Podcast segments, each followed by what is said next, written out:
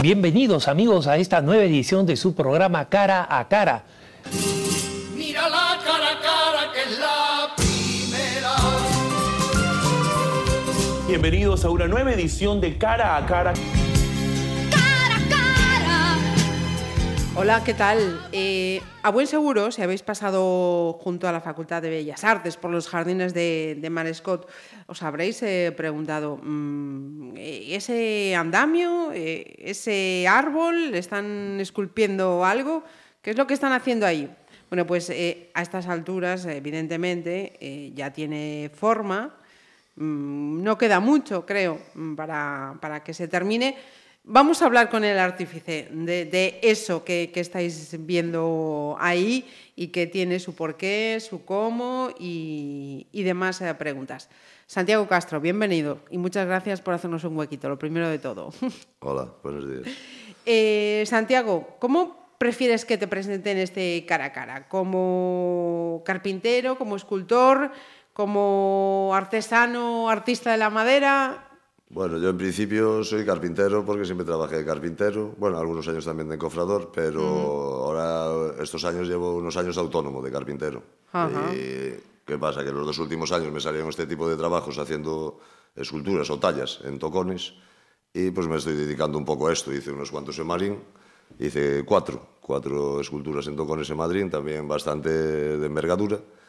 Y ahora estamos con este de, en Pontevedra, ahí enfrente de Bellas Artes, que va a ser un duende de jardín. Un duende ahí, de jardín. jardín. Bueno, ya, ya, ya, le hemos puesto un qué. Un duende de jardín. Vamos a tener ahí. Y, y esta profesión, eh, por herencia vocacional de algún familiar, no había nadie. ¿Cómo, cómo fue esto? Bueno, en principio mi familia son carpinteros también. Mis abuelos eran carpinteros de Ribeira y aunque ellos después dejaron la carpintería, mi padre de, también es carpintero, trabajó de carpintero muchos años y, y, yo trabajé con él y trabajé en otros sitios también, claro, pero con mi padre también trabajé y llevo desde, desde chaval trabajando en la carpintería. Ajá. Y fue lo que me aficionó a andar con trenchas y andar con este tipo de, de materiales y a gustarme la madera para empezar a hacerle formas. Entonces empecé a tallar siempre cosas más pequeñas de, de, hobby. Y luego poco a poco me fui aficionando más a la talla, a hacer relieves y cosas más grandes. Pero eso ya fue un poco por afición mía, más que por, por el oficio. Por ejercicio de la profesión. Sí.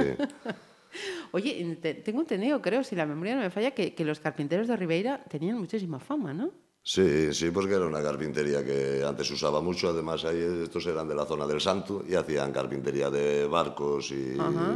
barcas pequeñas y todo esto. Y luego hacían bateas también. Ajá. En aquel momento se hicieron muchas bateas y tuvieron mucho trabajo de trabajo bruto uh -huh. y a la vez artesano. Sí, sí, sí. Era un trabajo que era dificultoso, pero agradecido a la vez. Ajá. Entonces. Y yo de pequeño ya iba viendo a mi abuelo cómo andaba con las virutas y siempre me llamó la atención andar con las virutas. Sí, señor. Fíjate, lo estaba pensando, digo, o sea, que creció entre virutas, vale. Mira, nos, has mencionado un, par de palabras. Eh, yo es que soy muy ignorante yo en estas cosas. Nos has dicho tocones.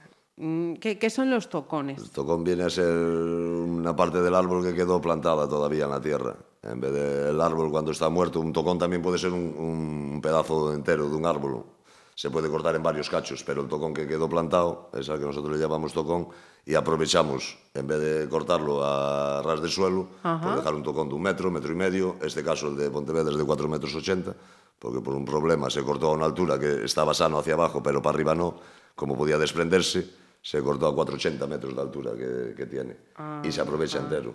La idea de, de, este tipo de trabajos es dejar una parte del, del árbol, aparte de las raíces que va a seguir ahí plantado, entonces queda vivo y, y dejar alguna parte natural para que se vea el, la figura que, que, lleva, que es parte del árbol.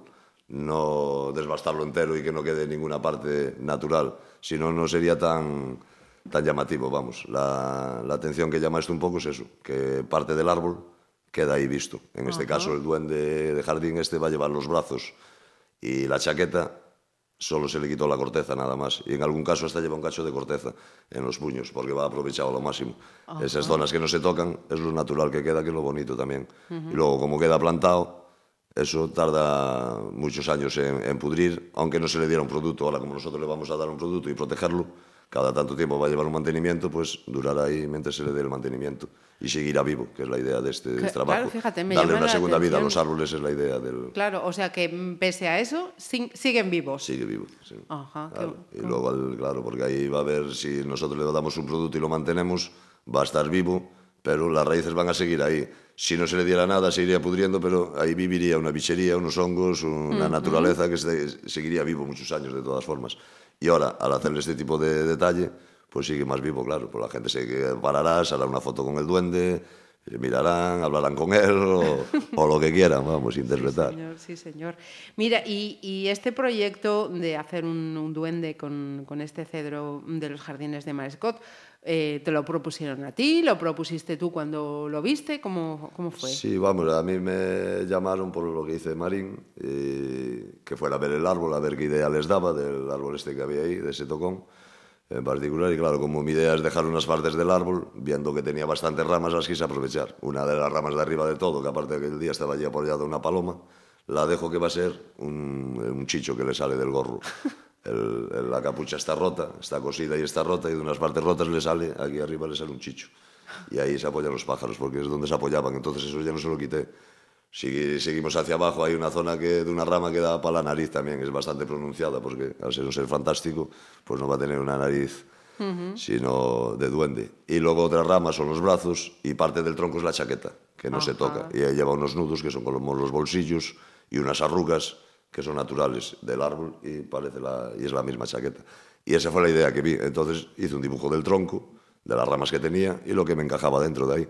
Y les pareció bien la idea y, y adelante. ¿Les pareció bien la idea? ¿De, de quién estamos hablando? El Concello de Pontevedra, Ajá, el Concello de. Pontevedra, del concejal de Parques y Jardines, que fue el que se puso en contacto conmigo por el tema este de Ponte Guapa, Qué bien, Sí, de Pontevedra, como si iban a hacer una serie de... de iniciativas Claro, y pues, propuestas. Esta era una nueva que quisieron meter en medio y por ahora, por lo que parece, a la gente le está gustando. Por lo menos los que pasan por allí les está gustando. Sí, sí, no, no. Yo todo lo que he ido, oído, perdón, ha sido, ha sido en positivo. Mira, y nos has descrito perfectamente todo ese diseño del duende. Eh, ¿cómo, diseñas? O sea, mm, ¿los tienes en tu cabeza? ¿Buscas en...? Sí, ya digo, viendo, viendo una vez el tronco y aprovechar unas partes, el resto lo imagino. Luego, claro, luego he hecho unos vistazos, como cuando hice animales, una lechuza, una ardilla, un pájaro, un gato, otras cosas que hice. Siempre me informo, claro, por dibujos, por fotos, por... Y esto igual, pues como hago un duende, pues miro otros duendes, miro caras, me fijo en la gente, en las chaquetas, en, en todo un poco. Me voy fijando Ajá. para yo ir sacando de, de lo que tengo yo allí, pues ir dándole la, la forma que quiero un poco. Y cuando haces estos, estos trabajos, Santiago, eh, de, de alguna manera esos tocones eh, te dicen por dónde ir. Sí, más o menos sí, sí. Pues la idea es esa, que la idea ya lo ves antes un poco reflejado allí. Ves el árbol y las formas que tiene, ya es lo que dices tú. Esto Es lo que pide. Lo que pide. Aparte se lo explicas a la gente y lo ve también. Lo que pasa que hay que empezar a quitar luego el material ese que sobra para que salga lo que tú quieres. Pero hay unas zonas que se ven y ya, ya el árbol como, como que está ahí, ya. Esas zonas ya, ya lo dicen. ¿Qué pasa? Que hay unas partes que hay que tener cuidado porque son delicadas, claro. Si te pones a quitar, a quitar, pues puede... Puedes Hacer una desfeita, sí, Claro, sí. claro. Entonces hay que ir con calma también y con un poco de precaución y eso. No Y con mimo, ¿no? Cuidando- cuidando el árbol con mimo. Y cuidando porque Ajá. este caso, por ejemplo, aparte una de las ideas que uno de los brazos que queda un poco es largo y queda un poco más bajo para que no tenga problema de que nadie lo rompa, va a llevar un pincel que va desde el suelo a cuatro metros de altura en la mano. Y luego ese pincel va a ir pintado de verde la punta y el gorro pintado de verde también la punta, como si él mismo se estuviera creando. Y como el jardín Qué es bueno. todo verde, Sí, pues sí, una sí. idea también del, del tema. Y la idea del pincel fue porque el brazo no quedara débil. Ajá. Y como estamos en Bellas Artes, pues toda una cosa lleva a la otra. Sí, señor. O Así sea, es. que van ahí fluyendo los elementos, ¿no? Ah, ha ido Un todo... duende de jardín y está al lado de Bellas Artes, pues lleva su pincel Sí, señor. verde y parece que él mismo se está creando. Ajá, qué bueno. Mira, empezabas a comienzos de abril. mm, El tiempo no te ha ayudado mucho esta semana. No, No, se ha no. portado demasiado bien. En abril llovió bastante, entonces al llover no se trabaja igual, la herramienta ya no se puede trabajar igual. Hombre, estoy con una lona tapada y fui haciendo, pero no de la misma manera que si estuviera buen tiempo. Ahora estas semanas que estuvo bueno, pues adelanté bastante, pienso que la semana que viene acabaré. Ajá, o sea, para la semana que viene Sí. puede. Eh, una vez eh, eh, terminado, eh, ya nos decías eso, que va a llevar unas protecciones, esa idea también de llevar ese pincel para que la- el- uno de los brazos no esté tan, entre comillas, desprotegido, pero ¿va a haber algo previsto para presentar a este duende? En a- principio, sí. Por ejemplo, nosotros las que hicimos en Marín, como además era, dedico a alguien, normalmente la figura, algún amigo, algún conocido, alguien del pueblo, pues hacemos una presentación para que la prensa eh, saque al día siguiente que se hizo ese tipo de figura o de escultura ahí y la gente que quieran vayan a verlo, que ya está lista. Y en esa presentación, pues yo pues, se lo dedico al- a la persona esta que, que suelo firmar con el nombre de, eso- de esa persona. En este caso, cuéntame, ya tiene un nombre. Sí, Gerardo. Gerardo, que es un compañero mío, era un compañero de aquí de Pontevedra, y los hermanos siguen en contacto conmigo, la familia también, y muchos amigos de aquí, de Pontevedra, de Hueu, Marín, que tenemos relación, pues lo conocemos todos, pues decidí dedicárselo a él. Y como me puse en contacto con la familia, está muy agradecido. Si posible, y vendrán a la presentación. E claro, pues haremos algo. E tamén a última que hicimos aí Marín, viene un compañero a tocar la guitarra e toca un par de temas para que la cosa sea un poco más emotiva. Sí, señor. O sea que, eh, además de todo el trabajo que conlleva, el saber sacar todo eso a, a un tocón, también tiene esa, esa carga emotiva y personal que todavía lo hace más particular, ¿no? O sea, que para sí, ti. es particular para tiene- mí y para la gente conocida, todo, Claro. claro. Para mis, los amigos, la gente que conoce a esa persona a la que va dedicada. Y mismo mucha gente que yo hace años que no veía se enteraron por la prensa de este tema y vinieron allí a agradecérmelo. Entonces, claro, eso es muy agradecido. Ajá. Entonces, eh, si haces la escultura, sí, está bien hecha. Pero si tienes esa dedicatoria y Claro. va dedicada a una familia, a una Todavía gente, pues, tiene un añadido tiene más... Pues Claro a la sí. gente, claro, le llama, le llama más la atención y se, y se lo cuentan unos a otros, mira que esto, que lo otro, tal, y pues es más llamativo que, no solo la escultura. Sí, Eh, señor. sí. Mira, y, hablando de nuevo de esta, de esta profesión a la que te dedicas, en, en estos años de trayectoria profesional, Santiago, ¿ves que es una, una profesión artesana mm, que todavía tiene recorrido futuro, que va a estar siempre ahí? Eh, esa competencia industrial eh, se, Sí, se- hombre, yo pienso que por un lado los- la artesanía tiene que estar ahí, porque hay mucho tipo de trabajos artesanos que todavía, aunque haya máquinas que hagan unas cosas, hay otras que no se pueden hacer con máquinas, como este tipo de trabajos. Y luego hay gente como, como luthiers o como gente que trabaja la madera directamente, que trabaja maderas nobles y eso siempre va a ser madera. Ahora, la carpintería en general de, de casas y de obra, pues más un poco colocación y montaje que, que lo que es fabricar, como se fabricaba antes. Sí, sin ánimo de ofender a nadie, pero mm, entonces, mm, ahora que estabas diciendo eso, es como de hablar carpintería con alma y sin alma. Un poco, sí, pero claro, es que hay que ir con los tiempos y la, la industria está ahí. Si no tienes una buena maquinaria, no puedes hacer una buena carpintería y, y todo lleva una cosa a la otra. Entonces, claro, la- el montaje, como ya viene hecho, pues no te vas a poner tú a hacer la puerta. si ya está hecha, Sí. solo la colocas. Y yo cuando empecé haciendo, pues, colocando puertas, pues hacía encajes para las bisagras y para los... Entonces fue cuando empecé a andar con las trenchas. Ahora eso ya no se hace, porque ya viene hecho, claro. Otro palabra, las trenchas. Cuéntame, ¿e- ¿eso es? Las trenchas Creo, cre- creo imaginar. Son las herramientas metálicas que llevan. Sí, con una madera. Dos o sea, como si fuera una V. Esos son gubias. Ah, ¿ves? Son gubias. Las gubias llevan forma de V, de uña, hay varias formas distintas. ¿Y las luego trenchas, las trenchas entonces? son planas, el formón es lo mismo, Ah, pero vale, plano. Es el mismo tipo de herramienta, el mismo tipo de corte, pero en vez de tener una forma es plana y eh, para algunas zonas se usa también. Y yo, claro, en la carpintería empecé con trenchas, pero la forma de trabajar con la veta de la madera, que si te escapa un nudo para aquí o para allá, pues saber, cómo cortar la madera, pues empecé eso con trenchas, eh, trabajando carpintería. Pero antes de la carpintería hacía falta hacer encajes.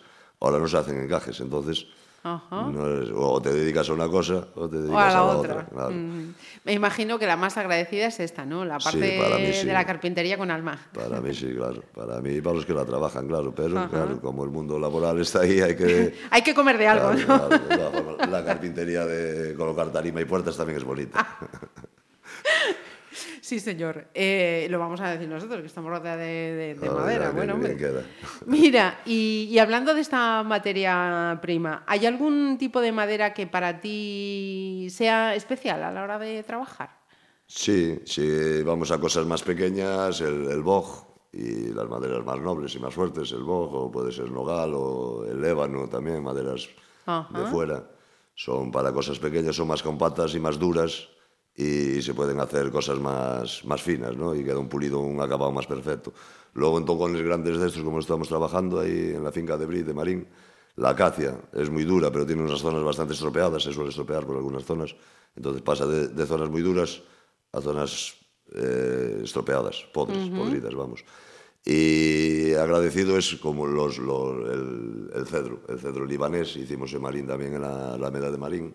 Pues digo hicimos porque Juan 23 es el que tiene la iniciativa de esto, que fue el que me avisó a mí. Y allí por el Concello de Marín fue las primeras que, ¿Qué hiciste? que hicimos. Y el cedro libanés es muy compacto y blandito a la vez. Entonces puedes hacer bastante detalle sin mucha posición para la herramienta.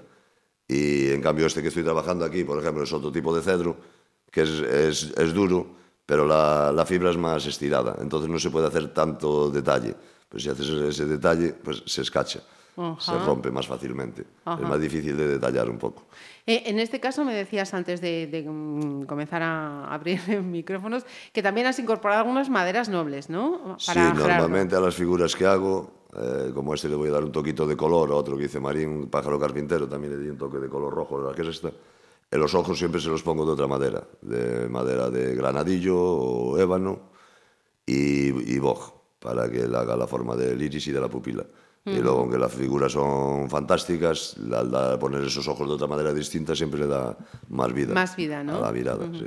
Mira, y, y hablando de, de vida, fíjate, a mí mm, hace, hace, mm, pues yo creo que fue hace cosa de, de- de un par de años, me, me cuadró eh, ver que alguien había hecho pues un, un- un pequeño trabajo con, con madera y, y ahí es donde te das cuenta lo que tiene eh, trabajar con, con materiales vivos. Y es que una vez que estaba hecha esa forma, eh, unas semanas después había cambiado y me decían, claro, es que la madera... Está te- viva, claro. Efectivamente, yo me quedé... Tiene movimiento, claro. En este caso igual hay que contar con ese movimiento porque si no algunas zonas si las dejas débiles en este tipo de trabajos no se puede dejar zonas débiles si no se abriría y se, se estropearía muy fácilmente. Hay que hacer figuras compactas a la vez, compactas y con fuerza. Como por eso ahí no te puedes pasar. En este caso tengo las piernas, que es lo más delicado, porque si las hago muy delgadas pues queda muy débil. Entonces, pues tiene que tener una pierna que se vea una pierna, pero que a la vez sea fuerte. Tiene que ser flaco, pero fuerte, resistente. Con músculo. Claro, claro, no puede ser una cosa débil que si no Sí, empieza a gritar la madera por ahí y se va todo abajo. Y cosas delicadas como dedos, como pelo, como muchas partes que si las dejas muy, muy débiles y la madera se mueve por ahí, hace una grieta, se sí, cae. Sí. Entonces, a la vez en estos trabajos también hay que fijarse en hacer cosas con Y luego al estar al aire libre también procurar que no se acumule el agua. Ajá. No dejar las zonas donde acumulen el agua, porque si dejas zonas donde, ahí se empieza a estropear, empieza a hacer una grieta y esas zonas... Uh -huh son las que suelen ser más delicadas. Todo eso me decías que aquí también eh, se va a cuidar, ¿no? Va a haber un eso, eh, sí, un unos materiales, un mantenimiento para que claro, para Gerardo que, esté para bien que cuidado. Esté, claro, que esté como va a estar en principio. Ajá. La madera se vea realzada y la veta se, se vea la veta y luego queda nutrida. Logo, Luego cada tanto tiempo, como se va a ir secando, con el sol, la lluvia, se va a ir secando y agrietando, para que no agriete ni seque, pues cada tanto tiempo se da un mantenimiento y se ve siempre nueva. Ajá. Eh, Todavía no tenemos fecha para esa presentación oficial. No, Vale, pues lo no. iremos, iremos informando. Estad pendientes de Pontevedra Viva que iremos informando de cuándo podéis o hay que acercarse a los jardines de Como Mariscot y como mucho felicitar a, a, media- Santiago. a mediados, entre el 12 y el 15, como Ajá. mucho de... Bueno, pues vamos haciendo huequito. Ya va, ya va avisando Santiago. A mediados de, de mayo. Posiblemente sea mediados por, por la familia, más bien, de la gente esta, que- Ajá, para que puedan perfecto. venir. Pero bueno, no tengo que hablar con la... con la cerrar esos detalles. Bueno, pues estamos pendientes de cerrar esos eh, detalles. Ya sabéis, ahí podréis felicitar a Santiago por su, por su trabajo aquí en los jardines de Mariscot. Y por mi parte, pues agradecerte mucho que nos hayas hecho un huequito y contarnos aquí cómo, cómo fue surgiendo este, este duende. Muchas gracias. Gracias, gracias a ti. Cara a cara, nos volvemos a ver. Cara a cara. Pontevedra Viva Radio. 哦。